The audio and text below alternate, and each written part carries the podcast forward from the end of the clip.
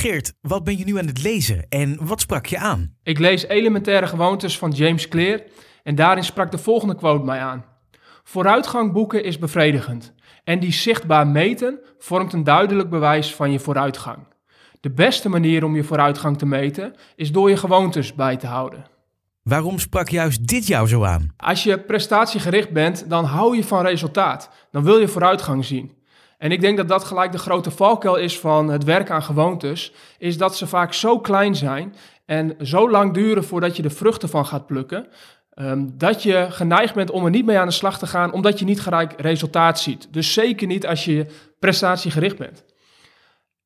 Terwijl dat James Clear in dit stuk juist heel duidelijk laat merken dat je juist door gewoontes bij te gaan houden, jezelf kunt helpen om vooruitgang te boeken. Of in ieder geval vooruitgang zichtbaar te maken. En dat gevoel geeft weer zo'n bevredigend gevoel. Als je ambitieus bent, als je prestatiegericht bent, als je doelen wil bereiken.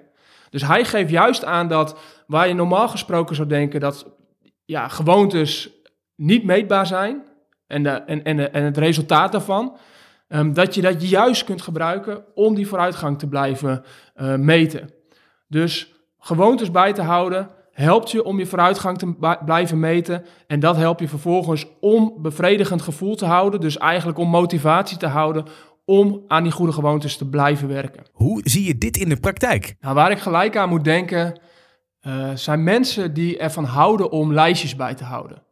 To-do-lijstjes, waar ze hun taken opschrijven. En elke keer als ze een taak hebben afgerond, deze afstrepen en daar een goed gevoel bij krijgen. Zeker als je aan het eind van de dag terugkijkt op een hele lijst met to-do's en taken die je hebt afgerond en waar een vinkje uh, achter staat of waar een streep doorheen staat. En zo werkt het in de praktijk. Elke keer als jij iets kunt afstrepen waarvan je kunt zien dat je het gedaan hebt, geeft dat een bevredigend gevoel. Geeft dat weer motivatie om met een volgende taak aan de slag te gaan. En zo kun je dus ook aan de slag gaan met je gewoontes. Hoe kan ik hiermee aan de slag? Nou, heel simpel. Kies een gewoonte waar je mee aan de slag wil gaan. Misschien is dat mediteren. Misschien is dat koud afdouchen elke ochtend. Misschien is dat een stukje hardlopen elke dag. Kies er eentje waar jij mee aan de slag wilt gaan of waar je op dit moment mee aan de slag bent. En zorg dat je die meetbaar maakt. Dus dat je gaat bijhouden hoe vaak het je lukt om die gewoonte uit te voeren. Pak pen en papier erbij of zet het in je telefoon. En zorg dat je heel simpel kunt bijhouden of je de gewoonte hebt gedaan, ja of nee. En doe dat voor, nou laten we zeggen, in ieder geval een week. Dus hou het een week vol om je gewoonte bij te houden. En kijk vervolgens wat dat je oplevert. Of je dat inderdaad, dat bevredigende gevoel oplevert, als je terug kunt kijken op het wel of niet uitvoeren van die gewoonte.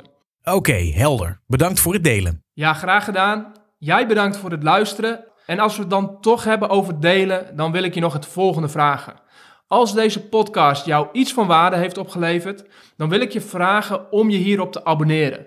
Je blijft dan op de hoogte van elke nieuwe aflevering die ik online zet. En daarnaast wil ik je vragen om deze podcast te delen met één iemand uit je omgeving waarvan je weet dat hij of zij hier ook iets aan heeft. Dankjewel en tot de volgende keer.